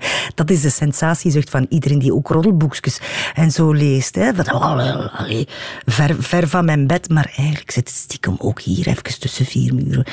Maar die true crime, ik kijk ook vooral naar de rechtszaken. Ik kan uren naar filmpjes kijken waar geen kat beweegt en waar een rechter zit en iedereen een paar keer kucht. En ik kan daar uren naar kijken hè. en ik kan ook naar de getuigenissen luisteren. Hè. En waar kijk je dan specifiek Naar naar? het systeem, naar de dynamiek, naar eh, beschuldiging versus eh, eh, verdediging. en wat het technische aspect daarvan is en hoe dat er wordt. Het is een sport. Het is een sport. Terwijl alle essentie eigenlijk tussen twee stoelen valt. En wat leer je daar dan uit voor jezelf? Dat wij beesten zijn en dat wij nooit zullen veranderen. Dat is Shakespeare. Dat is, dat is, ik zou bijna. Ik ik dacht te zeggen onderkant van de samenleving, maar dat is niet waar. Het leeft in ons midden. Het, het, gesatureerd zijn, niet meer kunnen, zo gebonden zijn aan angsten als individu, statusangstig, financiële problemen, niet meer kunnen, haatdragend zijn, geen remedie tegen je eigen haatgevoelens, dat je op den duur zo'n dingen gaat doen. En dan, het is angstaanjagend om naar te kijken. Maar ik kan u verzekeren, als je naar true crime kijkt, voelt je u niet beschermd hoor. Nee. Ik vind het gewoon fascinerend. En soms zeg ik, nu moet je even ophouden, want het gedroomt erover. Ik ruik ik ook, mij voorstellen, Ik ja. ruik ook de lijkgeur als ik naar die filmpjes kijk. Toch niet zo gezond. Nee, dat is niet gezond. Want in mijn dromen... Ja, ik heb al een paar mensen vermoord en onlangs. They write me down in a history with your bitter, twisted lies. You may trod me down in the very dirt, and still like the dust I'll rise. Does my happiness upset you? Why are you best with gloom? Cause I laugh like I got an oil well pumping in my living room. So you may shoot me with your words, you may cut me with your eyes, and I'll rise, I'll rise, I'll rise, out of the shacks of history's shame, up from a past rooted in pain. I'll rise, I'll rise, I'll rise, rise, rise. Now did you want to see me broken? Bowed head and lowered eyes, shoulders falling down like teardrops weakened by my soulful cries. Does my confidence upset you? Don't you take it awful hard?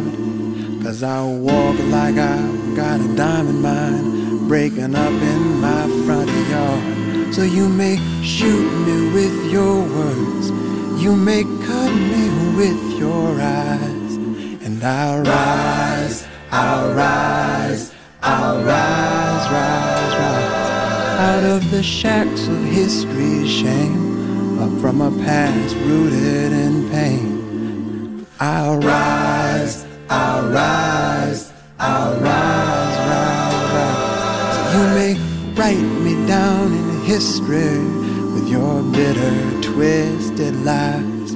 You may trod me down in the very dirt, and still like the dust I'll rise. Does my happiness upset you? Why are you best with gloom? Cause I laugh like I've got a gold mine digging up in my living room. Now you may shoot me with your words, you may cut me with your eyes, and I'll rise, I'll rise, I'll rise, rise, rise out of the shacks of history's shame, up from a past rooted in pain. I'll rise, I'll rise, I'll rise, yes, I'll rise. So you may shoot me with your words, you may cut me with your eyes, and I'll rise, I'll rise, I'll rise, rise, rise out of the shacks of history's shame, up from a past rooted in pain. I'll rise, I'll rise, I'll rise, rise, rise. I'm gonna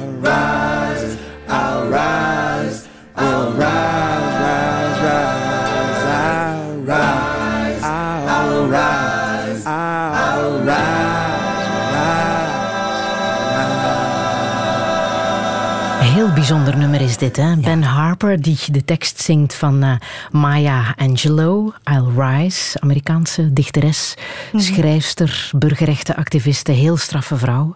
Barbara Sarafian, die tekst, dat is het vooral hè, voor jou. Die Al lang. betekenis heeft. Al lang, al lang ook, ja.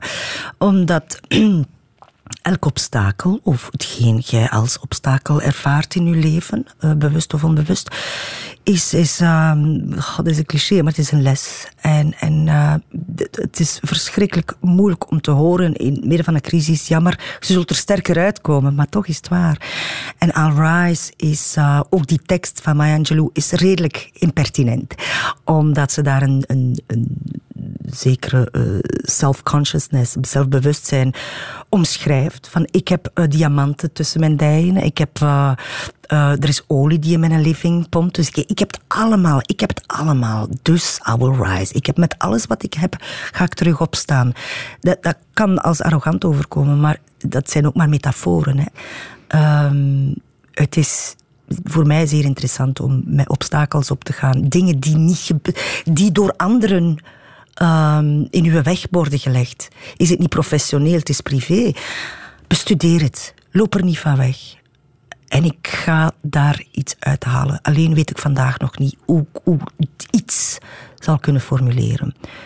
Het- er is altijd eh, een les verscholen, zelfs al denkt de man, hier raak ik gewoon niet meer door. Jawel, all rise. Ja, dat is, daarom is dat minimalisme zeer goed voor mij. Heb je dat ook gedaan met, met jouw scheiding? Wat je ziet als het grootste dieptepunt in jouw leven tot nog toe? Maar de scheiding op zich is geen dieptepunt, omdat dat een formaliteit was. Het is het loskomen van ehm, een, een, een zeer onaangename verrassing voor mij. Ehm, wat mij zeer dierbaar is en was, kon ik niet meer herkennen. Ah, eh, niet alleen mijn handelen, mijn beslissen. Eh, het, intieme gevoel met mijzelf was zoek.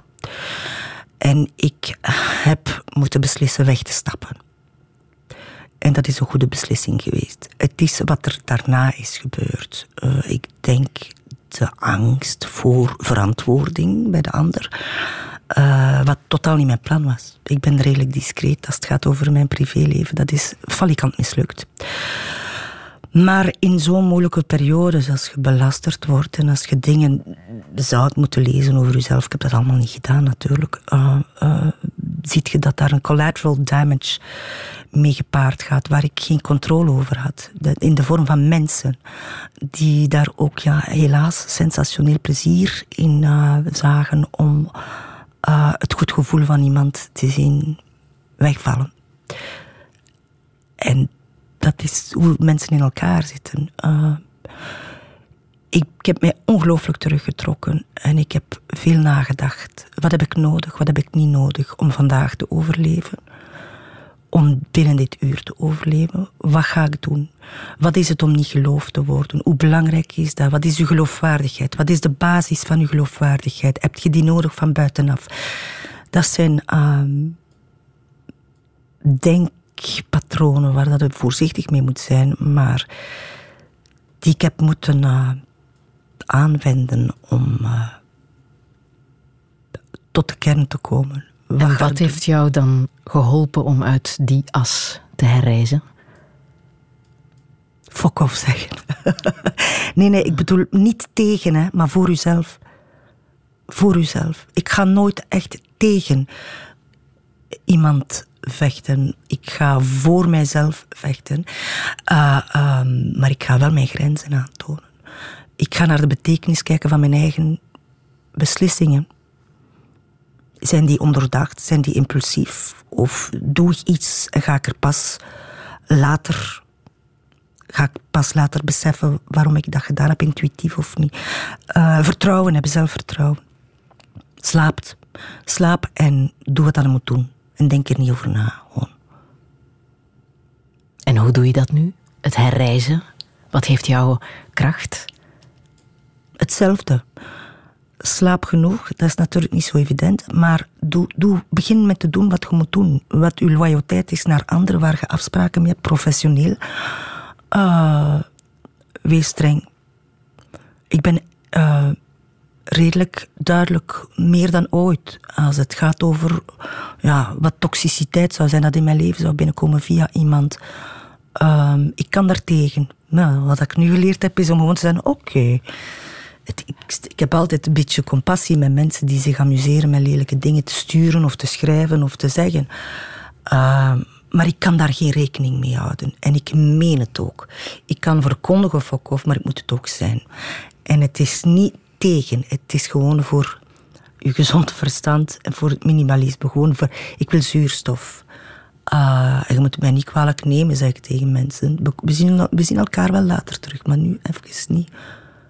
Ben je 50 moeten worden om jezelf echt te leren kennen? Nee, nee, nee, nee. Ik ben 50 moeten worden om eh, de cycli te doorbreken die ik al kende.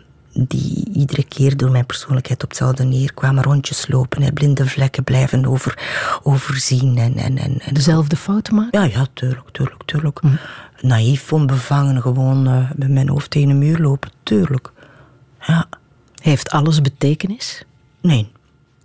Nee, nee, nee. Soms zijn dingen gewoon een dik vet accident. Eh, nee. Soms is iets totaal zinloos. Bijvoorbeeld de dood van mijn moeder. Ik vond dat nu echt niet nodig, heb ik gezegd. Die avond zelf nog. Dat was nu een keer echt niet nodig. En, ik hou het daar dan ook bij. Tuurlijk, ja, daar kan ik niet zeggen. Nou, niet alles heeft betekenis. It's random. Maar wij zoeken soms een betekenis om troost te verschaffen.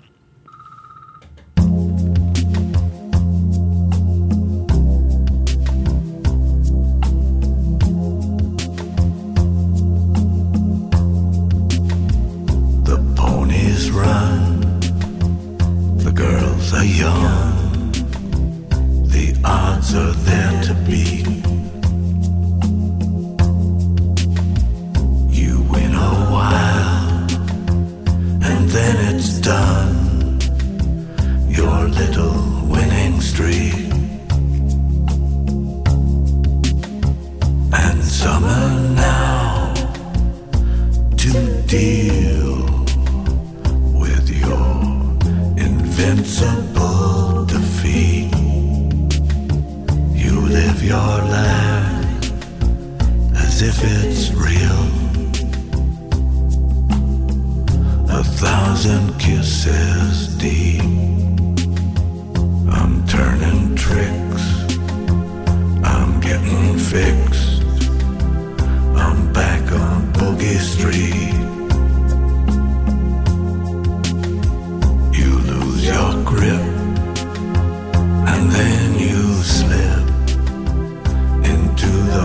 Masterpiece. And maybe I had miles to drive and promises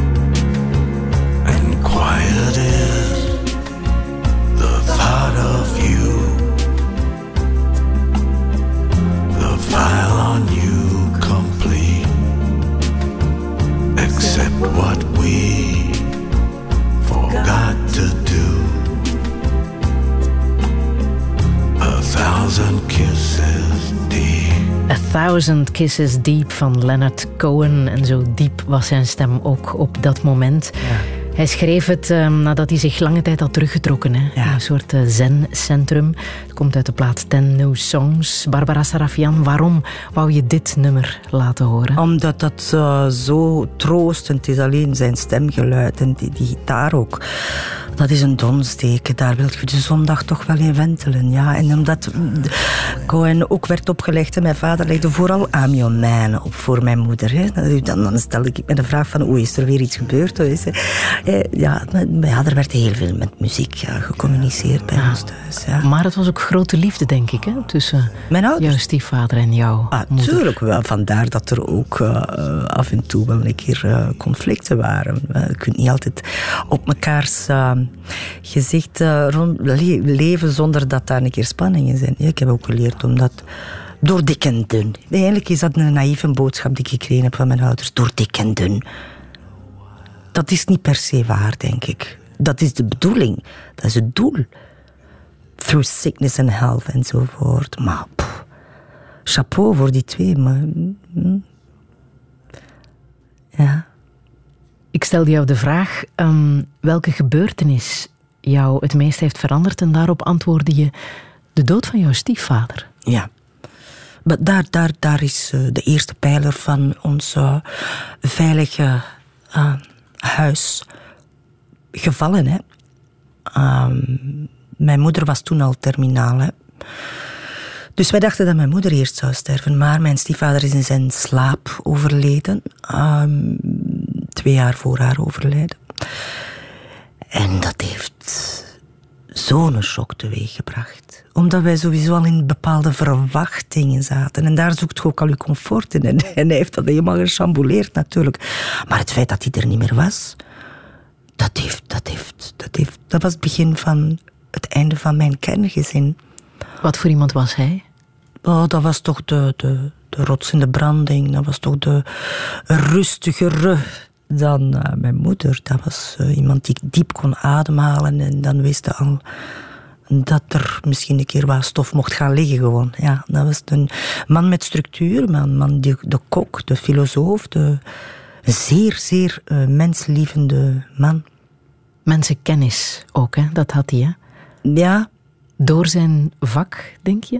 Door zijn nieuwsgierigheid, door zijn observaties. Ik kon daar bijvoorbeeld mee naar Wimbledon kijken en dan zat er mee in dat die meisjes in die witte kleedjes misschien wel een keer een maandstonden konden hebben, maar dan moet dat toch verschrikkelijk zijn om dat te moeten wegsteken. En dan zat ik naar hem te kijken, van, jij bent daarmee bezig. Dat, dat geraffineerde, ja, dat is zo schoon. Toen hij met pensioen was gegaan als advocaat, is hij nog beginnen schilderen. Ja. ja. Mooi, hè? En hij was goed. Ja, ja, ja. Maar het feit dat iemand open staat om een andere taal te vinden dan alleen de retoriek hè, van, van een advocaat, maar gewoon met beelden praten, oh, dat is magnifiek. Dat, die sleur ik ook nog allemaal mee, al zijn schilderijen en tekeningen, natuurlijk. Ja. Hoe was het voor jou om afscheid te nemen van jouw moeder? Ik heb alles kunnen zeggen. Uh, zij heeft ook alles kunnen zeggen tegen mij. Dat is, ja, hoe ze ons opgevoed heeft, is natuurlijk ook duidelijk geworden op het einde van haar leven. Um, dik tegen mijn zin. Ik heb uh, geen gevoelens uitgeschakeld, maar ik heb wel um, een opdrachtje gekregen, ook van mijn moeder: maak mijn kist. Dus ik heb mijn uh, aandacht kunnen afleiden van mijn uh, angst voor verlies. En die kunnen toespitsen op het maken en werken met hout samen met een meubelmaker. Heb je ook echt gedaan, ja. die kist gemaakt? Ja, ja, ja, ja. Hielp dat op een of andere manier? Om dat zit in mijn voorstelling ook, ja. Dat zit in mijn voorstelling ook. Ja, dat is, die een opdracht heeft mij geholpen. Maar mijn moeder wou dat iedereen betrokken zou zijn, ook de kleinkinderen. dat zijn mijn broer niet. Nou, nou, nee, nee, we gaan de handjes van de kinderen daar niet, niet bij betrekken. Uh, ik, had, ik runde bijna, bij wijze van spreken een productiehuis. Diavoorstelling, de mooiste foto's enzovoort. Muziek kiezen. En, en, ja, dat is een manier van rouwen. Als je plots in, in pure, pure uh, pragmatiek uh, schiet. Maar wij hebben ook heel veel gelachen de laatste dagen. Als ze nog ludieke momenten had. Uh, uh, ik, ik zit na al tien jaar niet met... Ah shit, dat hebben we nooit kunnen bespreken. Ah, maar waarom is dat onop, onopgelost gebleven? Dat is niet. Dat is niet. eh, haar materiële grief, haar cabane, ja, daar heeft ze ons verschrikkelijk veel mm, mm, grief achtergelaten. Maar emotionele eh, eh, ruis of, of dingen die niet verwerkt zijn tussen ons, dat heb ik niet. Die last heb ik niet. Ze wou euthanasie, hè? Maar ze, wil, ja, ze, ze had beslist dat te laten uitvoeren. Ja, En dat vond je moeilijk. ik vond dat niet moeilijk. Ik zei, ik geloof u niet. Dat was eh, ja, een stukje Shakespeare hoor, in, haar- in haar kamer. Waarom geloofde je haar niet?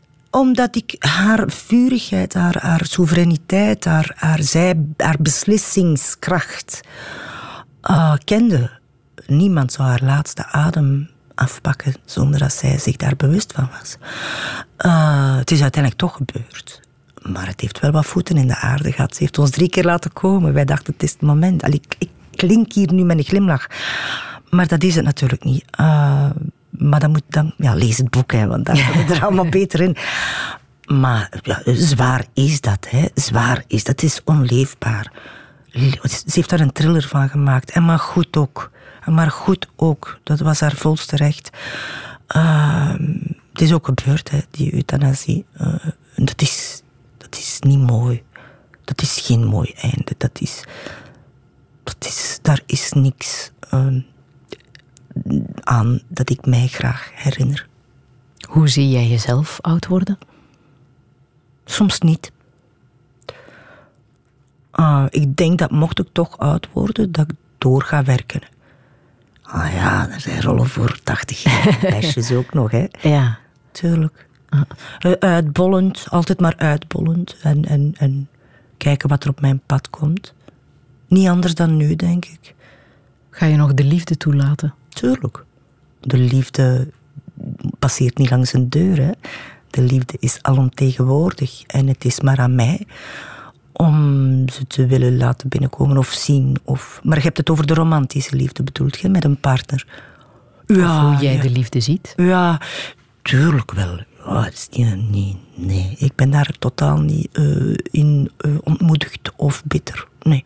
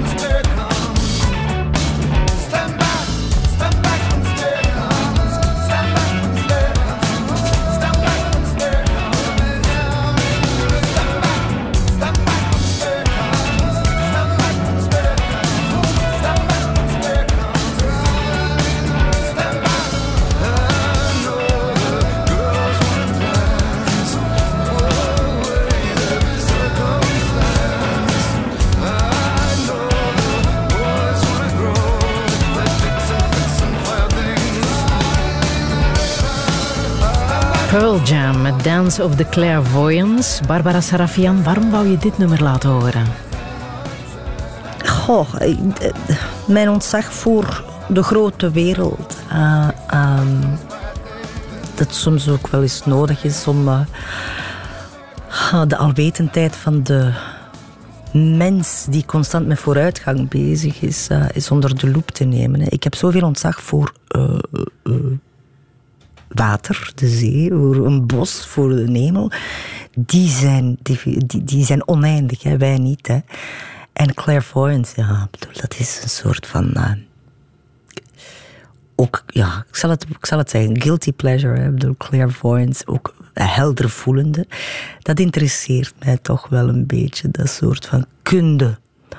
Ah, ah. Wat voor kunde is dat dan? Een soort waarzeggerij? Of, eh, Oh ja, maar je hebt ook. eh, als je alleen maar beroept op YouTube, heb je natuurlijk heel veel charlatans natuurlijk. Maar clairvoyance. Weet je, het, het gebruik van tarotkaarten, hè, dat, is, dat is iets dat mensen noemen dat een guilty pleasure. Of een, eh, ze schamen zich daarvoor omdat dat niet gebaseerd zou zijn op wetenschap. Dat is academisch niet erkend, maar er zijn heel veel wetenschappers die hè, met tarotkaarten altijd gewerkt hebben. Ik heb trouwens de tarotkaarten van mijn biologische vader geërfd ook. Ehm, ik, ik heb daar geen kennis van. Ik weet niet hoe dat ik dat moet gebruiken. Maar pas op, ik kan wel cold readen. En ik kan bijvoorbeeld zien... Ik heb ook een glazen bol, al 30 jaar. Die ik ooit gekocht heb in Gent. En ah, ik heb heel vaak Madame Soleil gespeeld op eh, feestjes enzovoort. En soms zit ik er pal op, hè. Omdat dat cold readen is, hè. En ehm, dat is gevaarlijk. Ik, ik zie dat mensen soms alleen maar beroep doen op dat soort van eh, channels en kanalen om tot inzicht te komen bij zichzelf. En zo, dat is natuurlijk heel gevaarlijk. Maar voor mij is dat een guilty pleasure. Ik luister daar graag naar. en wat wordt er dan over jou verteld? Maar nee, dat gaat over concrete... Je moet ook vragen stellen. hè. Je hebt Lenormand-kaarten, je hebt tarotkaarten. Als je bij een kaartleester leester gaat, en dan... dan ja, allee, je moet goed pijzen naar uw vraag en dan moet moet niet zeggen, niet zeggen. Allee, pak je koortje? Ja, dat is, dat is Marina. hè. Pak het, nee, nee, die niet, van die andere nu. Allee, maar ja, nee, maar ik zit jong, ik zit jong. Dat is puur theater. Ik, vind, ik kan daar uren zitten. Ik kom zeer goed overeen met Marina. Ik ben, ik ben al drie jaar niet geweest. Maar dat is sloten, koffie in de namiddag en dan blijf ik daar plakken. Dan is het beginnen van de wijn. Ah, ik kon ook een keer koets leggen. Dus zo zalig, dat is eigenlijk een hobby. En, en ik doe het ook graag hè, bij mensen. Wat kom koets leggen. Ja, dat is zalig. Nu hoor ik de Barbara Sarafian, die mensen kennen van televisie, van heel veel programma's. Ah, nu pas. Oei, oei. Ja, je bent behoorlijk ernstig geweest, hè? Maar ik ben een ernstige. Dat is het nu net. Eh, ik kan dat niet blijven herhalen, maar ik heb wel een slogan die zegt: Je kunt niet onnozel doen en zot zijn en, en het zotte kunnen uithangen. En laconiek door het leven gaan als je geen ernstige basis hebt. Ik denk over de dingen na en eh, dat, dat, dat nu juist is of niet. eh, Ik doe het op mijn manier. Maar ik ga alleen maar luchtig worden als mijn anker ergens goed ligt. Wat zou je echt nog willen in het leven? Veel werk. Dat is heel belangrijk. Ja? Dat is heel, werk is, is echt voor mij... Ik ben daar ehm, eindelijk, eindelijk eh, trots op en, en, en tevreden mee. Met Er veel zijn werk. ja, er zijn nog een paar dingen die mogen veranderen natuurlijk, maar dan gaan we daaraan werken. Maar ik ben, ik ben ook trots, ik ben dankbaar en dat gevoel van dankbaarheid is, is mooi. Dat vervult mij. En niet omdat het mij bezighoudt, maar ik doe het ook graag. Ik ben graag instrument ook. Ik ga nu door een persoonlijke fase, door dingen te schrijven, mijn stuk te maken. En over dingen die, die in mijn zielenroeselen zitten. Maar gewoon een instrument en uitvoeren, dat doe ik ook graag. Ik heb dat graag als iemand aan mijn snaren trekt en zegt, oh, die klank wil ik. Ik wil mij daartoe, ik wil mij beschikbaar stellen daarvoor. Verhuis jij ooit nog? Naar? San Francisco? Ja. Maar ja, ik, ik denk niet dat ik in Vlaanderen ga blijven. Maar dat zeg ik natuurlijk ook al 40 jaar, hè? gelijk mijn ouders. Dat heb ik nog geërfd. ja. Maar San Francisco, daar zie je je... Ik, door het, mijn boek zelf, hè, door het te redigeren samen met de redacteur natuurlijk, heb ik, heb ik het ook gelezen. Eh, het leven dat ik geleid heb, is, is, ken ik vandaar ook.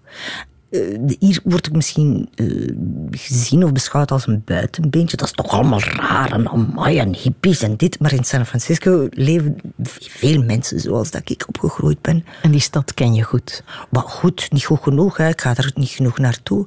Maar dat is voor mij de meest Europese der, der Amerikaanse steden, ja. Welke boodschap wil je nog meegeven?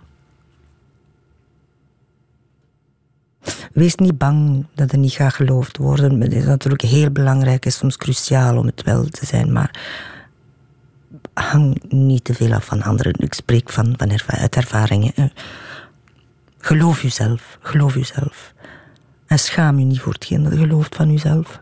Spreek je nu tot vrouwen? Nou, tot iedereen.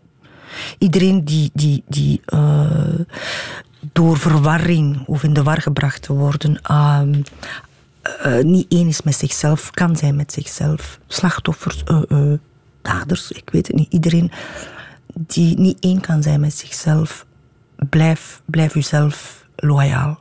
Ik vraag het omdat we nog één nummer hebben staan. Billy Joel. She's always a woman. Ja, Waarom? Omdat ja, je hebt natuurlijk de archaïsche portrettering van wat man en vrouw zijn in deze samenleving. We zijn in verschuiving bezig. Hè. Eh, het, het, het, eh, we hebben als mens allemaal onze, ik ga, onze rechten natuurlijk. En daar wordt voor gestreden door vrouwen en door mannen. Maar het is een vertederende song van Billy Joel. Eh, she can cut like a knife and laugh while you're bleeding. Ja, het is niet aangenaam om als vrouw, eh, vanaf dat we wat over emo- emotioneel reageert, meteen als hysterica bestempeld te worden. Maar Billy Joel brengt dat juist zo mooi in die song. She's always a woman. Dus ze zal altijd een vrouw blijven. En dat is juist een optillend nummer. En niet van, oh ja, maar nee, dat is wat dat vrouwen doen. Dus als we daar goed naar luisteren, naar die song, is hij ons eigenlijk complimenten aan toewerpen. Die zeggen van, please, verander niet. Blijf dat onredelijk wicht soms, want je maakt... ge- daardoor ben ik verliefd op u.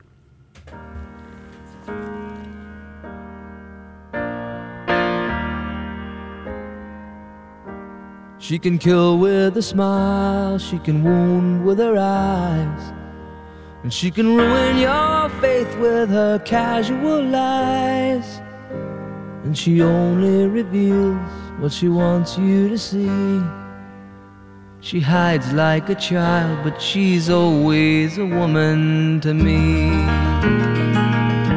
She can lead you to love, she can take you or leave you.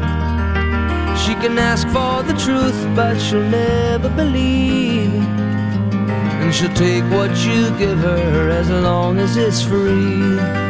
Yeah, she steals like a thief, but she's always a woman to me.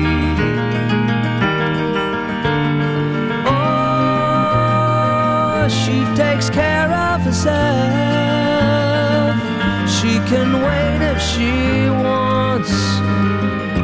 She's ahead of her time. Oh, and she never gives out. And she never gives in. She just changes her mind. She'll promise you more than the Garden of Eden. Then she'll carelessly cut you and laugh while you're bleeding. But you'll bring out the best and the worst you can be. Blame it all on Billy Joel and She's Always a Woman to Me. Dankjewel, Barbara Sarafian. Alle info is na te lezen op onze website radio1.be. En volgende week komt Mark Noppen, CEO van UZ Brussel. Fijne zondag nog. Herbeluister Douché via de podcast, de Radio 1-app en radio1.be.